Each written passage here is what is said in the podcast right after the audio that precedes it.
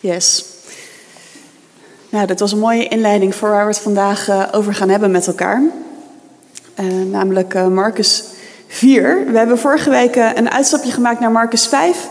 Voor wie hier misschien niet vanaf het begin af aan bij betrokken is. We zijn op dit moment bezig aan een, ja, een hele reis van 13 zondagen door Marcus heen. Uh, en vanwege de timing, nou ja, hebben we vorige week alvast naar Marcus 5 gekeken. En vandaag kijken we naar uh, Marcus 4. En daar gaat het verhaal waar het lied net over ging. Uh, Jezus op het, op, in de storm op het meer. Vorige week um, ja, ging het over Jairus, zijn dochter, de bloedvloeiende vrouw. Een verhaal waar een heleboel gebeurt. En um, Gilbert heeft het al wel eens gezegd. Marcus is een beetje de superheldenfilm van Jezus. Elk vers gebeurt er weer een ander wonder. En dat is hoe uh, ja, het verhaal van Jezus op aarde verteld wordt. En ook in dat verhaal, ja, Iris die moest vertrouwen op de timing van Jezus. De vrouw uh, die apart genomen wordt en neergezet wordt, terwijl zij er juist alles deed om niet gezien te worden. En het dochtertje dat weer tot leven werd gewekt. Zo'n kort stukje eigenlijk uit de Bijbel. Zoveel mensen die een ontmoeting met Jezus daarin hebben. En als je dan zo Marcus leest en daarmee bezig bent, dan bekruipt mij toch de gedachte dat ik daar best wel graag bij had willen zijn eigenlijk in die tijd. Kan je voorstellen wat daar allemaal gebeurt? Maar goed, dat uh, kan helaas niet. Wel nog een tip, uh, zo aan het begin uh, in deze inleiding. Op NPO staat een serie, dat, die heet The Chosen. Volgens mij wordt hij nu ook uitgezonden op de tv. En dat is een serie die eigenlijk gaat over het leven van Jezus. En dan kan je een beetje zien hoe dat in die tijd uh, ja, geweest zou kunnen zijn. Dus neem dat mee uh, voor de rest van vandaag als je nog niks te doen hebt. Maar we gaan nu eerst terug naar Marcus 4.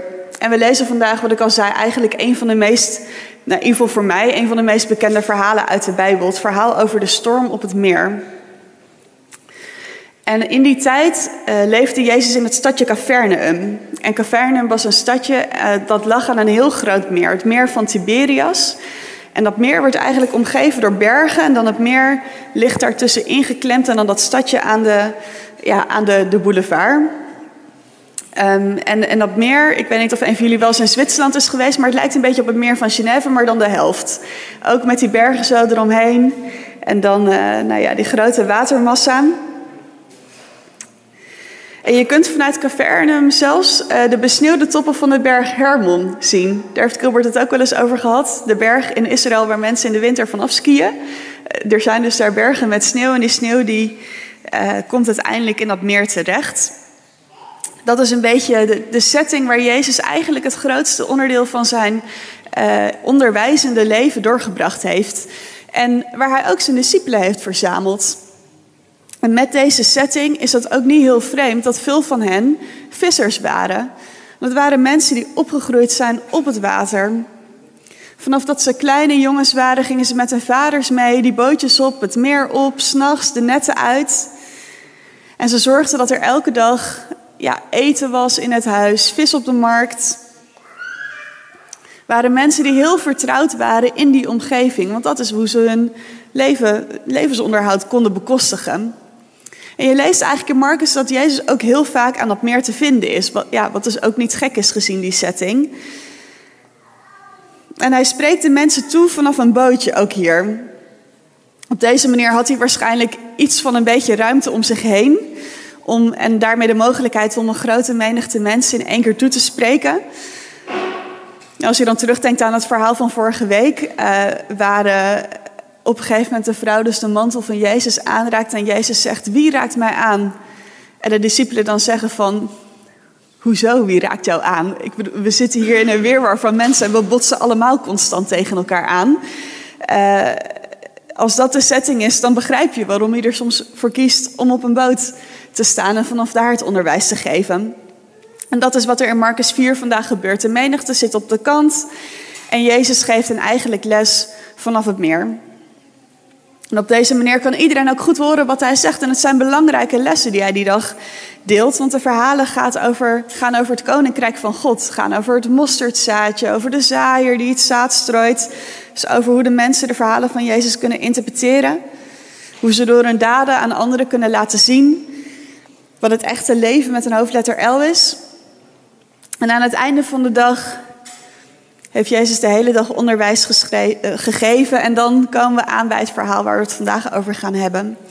Dus Marcus 4, vers 35 en 36. Aan het einde van de dag, toen het avond was geworden, zei hij tegen hen: Laten we het meer oversteken.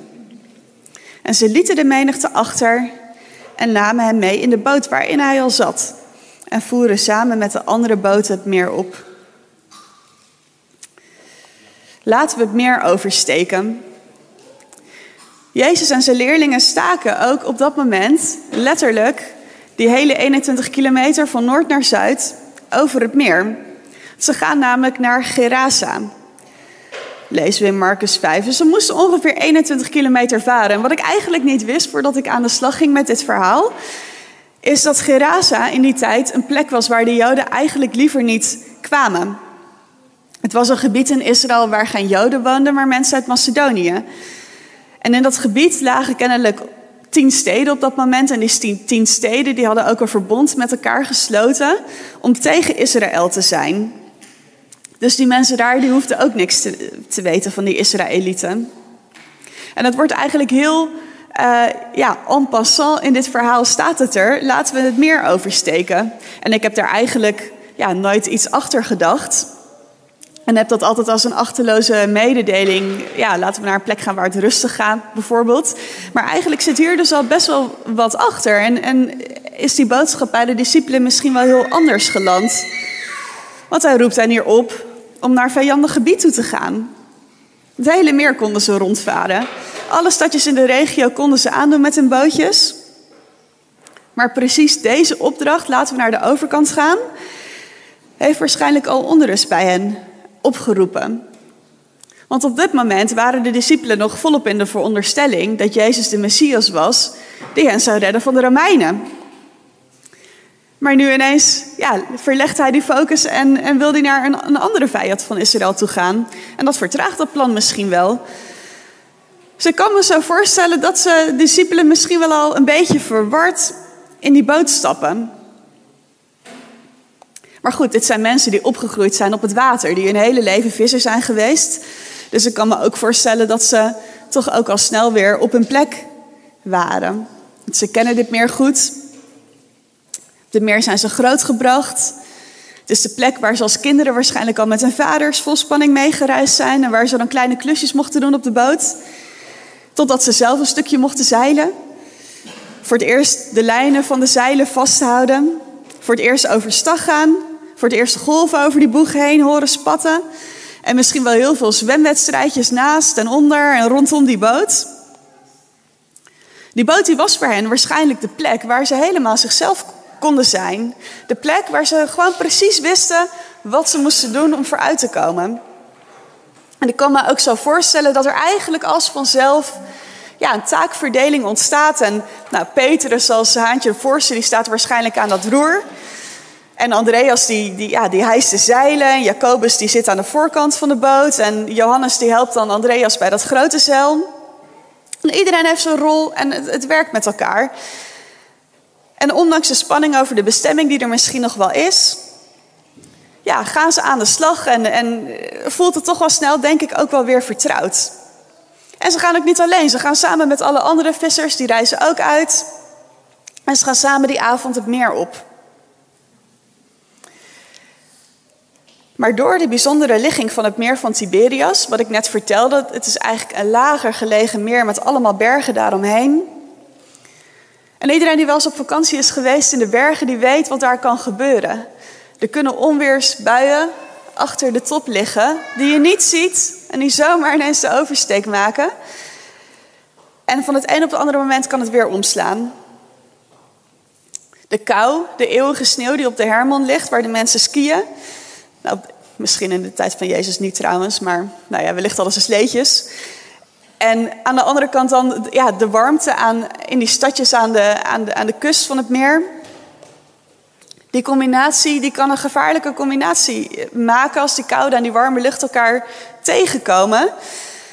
En dan kan het gaan spoken, heel erg gaan spoken. En je kunt ook googlen, maar het gebeurt regelmatig. In 1992 bijvoorbeeld is het ook weer gebeurd en is de hele, nou ja, er is nu nog een grote stad aan, aan dat meer, waarvan de hele boulevard is weggeslagen. En een aantal jaar geleden is het ook weer. Dus dit, dit gebeurde regelmatig. En waarschijnlijk hadden de discipelen niks doorgehad op het moment dat ze uitvoeren, want ja, ook al die andere bootjes gingen met hen mee. Maar halverwege die oversteek ging het mis. En ja, deze mensen zijn bekend met dat meer en bekend met het weer. En waarschijnlijk bij de eerste zuchtjes zullen ze gedacht hebben van... nou, we moeten dat cel even wat strakker spannen of, of we laten het vieren voor de helft. Ik ben niet een, zeiler, moeten we naar Eline kijken wat we moeten doen als het echt, uh, echt stormt. nou, in ieder geval, er moet iets gebeuren met die boot. En nou, de discipelen die weten wat ze moeten doen als het gaat stormen. En waarschijnlijk schreeuwt Petrus weer van achter het roer van... Ja, Andreas doet dit, Johannes doet dat. En waarschijnlijk, misschien dacht hij ook wel bij zichzelf van... nou, dit is mijn kans. Jezus zit bij ons op de boot. Ik ga hem eens even laten zien hoe, hoe ik hier leiding geef aan dit soortje ongeregeld op deze boot. Eén team, één taak. Petrus aan het hoofd en die storm, dat komt wel goed. Totdat het deinen schokken wordt en in plaats van de netten, de, de discipelen met de emmers in de weer zijn om de boot maar droog te houden. En Petrus, die in plaats van beheerste lakens uit te delen, steeds harder en sneller begint te schreeuwen. En dan eigenlijk wordt die boot, die boot waar ze zich het meeste zichzelf voelden, waar ze in control waren, een plek waar ze in paniek raken. Een plek die niet langer voelt als, als thuiskomen, maar een plek waar ze moesten vechten voor hun leven. Want wat, wat was dit nou? Met man en macht vochten ze tegen het water en probeerden ze hard te werken om het gevaar te laten wijken. Ze hebben waarschijnlijk paniekerig om zich heen gekeken naar de andere boten, want daar zaten hun vrienden op die in precies diezelfde onweersbui terecht waren gekomen. Ze waren bang hun leven te verliezen, die bootjes in die tijd waren natuurlijk ja, vrij eenvoudig, van hout, roeibootjes met een zeil.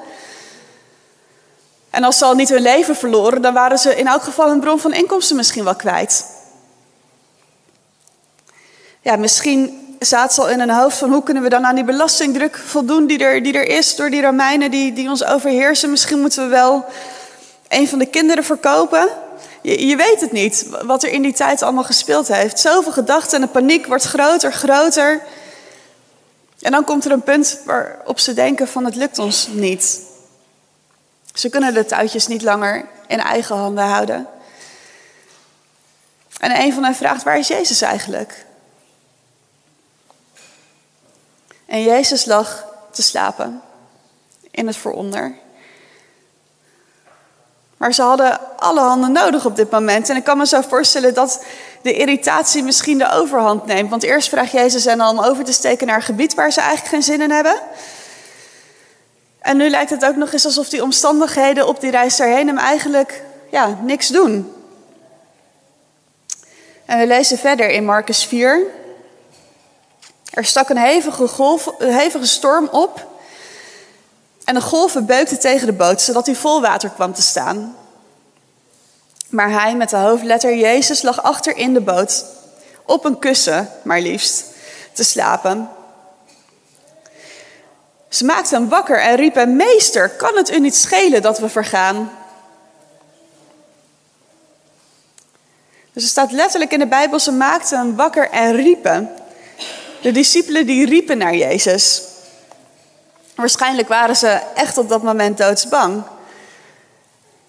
En dan gaat het verhaal ook verder. En ik, ja, ik vind het ook haast, nou ja, het is niet grappig, maar er lijkt geen enkele urgentie. Want het eerste vers waar we verder gaan in 39 staat er toen hij wakker geworden was. Dus het was ook niet dat Jezus in één keer scherp en nee, hij nam de tijd. Hij werd even rustig wakker en toen hij wakker geworden was, wat dus kennelijk een proces was, Pas toen sprak hij de wind bestraffend toe en zei tegen het water: Zwijg, wees stil. De wind ging liggen en het water kwam helemaal tot rust. En hij zei tegen hen: Waarom zijn jullie zo angstig? Geloven jullie nog steeds niet? En ze werden bevangen door grote schrik en zeiden tegen elkaar: Wie is hij toch dat zelfs de wind en het water hem gehoorzamen? Waarom zijn jullie zo angstig? Geloven jullie nog steeds niet? Wat een vraag eigenlijk om te stellen als je net op het nippertje van de dood bent gered. En Petrus met zijn bravoure, die dacht wel even indruk te kunnen maken met zijn leiderschapscapaciteiten. Waarom ben je zo angstig? En Andreas, die het cel inmiddels helemaal heeft ingetrokken, die daar samen met Johannes de emmers nog in de hand. Waarom ben je zo angstig? Jacobus met alle trossen touw om hem heen. Waarom ben je zo angstig? En kan het zo zijn dat juist op de plek waar we het meeste zelfvertrouwen hebben, de plek waar we het meeste in controle zijn, waar we ons helemaal thuis voelen, dat dat nu juist de plek is waar Jezus wil laten zien dat we Hem ook nodig hebben. Als je denkt zelf volledig de touwtjes in handen te kunnen houden, zelf de richting denkt te kunnen geven, zelf de lakens uit te kunnen delen, dan is het ook makkelijk om op jezelf te gaan vertrouwen. En ja, dan kan er een vreemde opdracht komen. Vaar naar het vijandige gebied toe. Dat was de opdracht waar het in dit verhaal over ging. En misschien waren de discipelen wel verbaasd of verrast of geïrriteerd. Maar ze herpakten zich snel, want op het water, ja, daar waren zij thuis. Dus deze opdracht van Jezus, die gingen zij wel even met vlag en wimpel halen. En Jezus staat trots op hen zijn de volgende dag. Want dit hadden ze wel in de pocket. En dan juist hier, juist op, op die plek hebben ze eigenlijk Jezus zo hard nodig. En wat is, ik, ik las het en ik dacht hierover na. En toen dacht ik ook, wat is nou, wat is voor mij die plek? Wat is voor jou die plek? De plek waar je misschien toch nog denkt het allemaal zelf wel te kunnen. En dan echoen we eigenlijk de, de woorden die Renske net sprak. Van durf je nou ook op die plek te vertrouwen op een God? Een God die je kent, een God die je beloftes doet, die je misschien soms wel wil leren, dat op het moment dat je je als een vis in het water voelt, dat Hij nog steeds soms een groter en een beter plan heeft dan dat jij zelf kan bedenken. En dat je niet zo hard hoeft te werken. Dat je niet met emmertjes in de weer hoeft te zijn. Dat je niet die zeilen hoeft te hijsen en ze weer te laten zakken. Als je ook op die plek kan vertrouwen dat God uiteindelijk het laatste woord heeft dan kan je echt binnengaan in zijn rust. Misschien is dat wel de les die we uit het hele bekende verhaal ook vandaag nog kunnen leren. Dat juist op die plek waar we denken dat we het zelf allemaal wel kunnen, dat we de rust van God nodig hebben. En het deed mij denken aan die hele bekende woorden ook uit Spreuken 3, vers 5, 6 en 7, waar staat ook: Vertrouw op de Heer met heel je hart Steun niet op eigen inzicht. Denk aan Hem bij alles wat je doet. Dan baant Hij voor jou de weg. Wees niet eigenzinnig, maar heb ontzag voor de Heer en gaat kwaad uit de weg. En dan komt een verhaal. Verhaal wat ik in elk geval heel vaak heb gelezen, heb gehoord van kinds af aan op de kinderbijbelschool. Eigenlijk toch wel weer heel dichtbij. Juist op de momenten dat we denken dat we het zelf allemaal wel kunnen, mogen we Jezus uitnodigen om met ons in die boot te komen en Hem het roer te laten overnemen.